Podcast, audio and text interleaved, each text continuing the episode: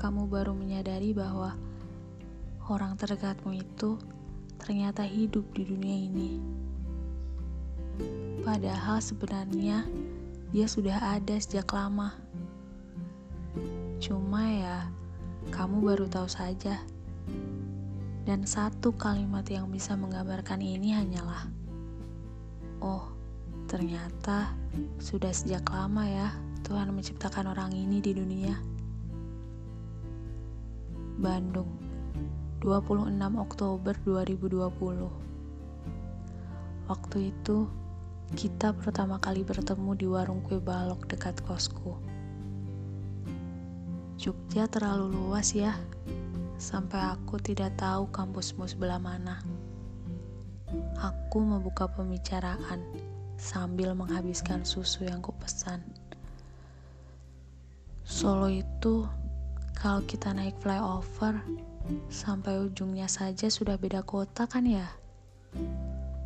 Akhirnya, kamu mengeluarkan suara.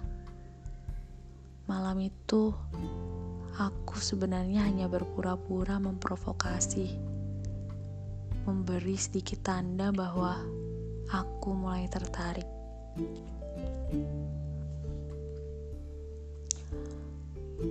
Lempuyangan tidak pernah salah memilih cerita.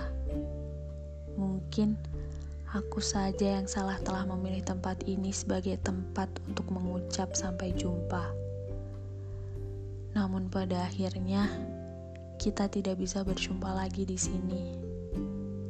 Lempuyangan tidak pernah salah. Begitupun kita. Tidak ada yang perlu dipermasalahkan. Selamat pulang. Sampai suatu saat aku benar-benar ingin sengaja ketinggalan jadwal kereta. Aku harap hari ini akan terasa lebih lama. Tapi kereta itu datang tepat waktu. Sialan. Aku sudah terlanjur masuk ruang tunggu. Namun tiba-tiba HP ku berbunyi.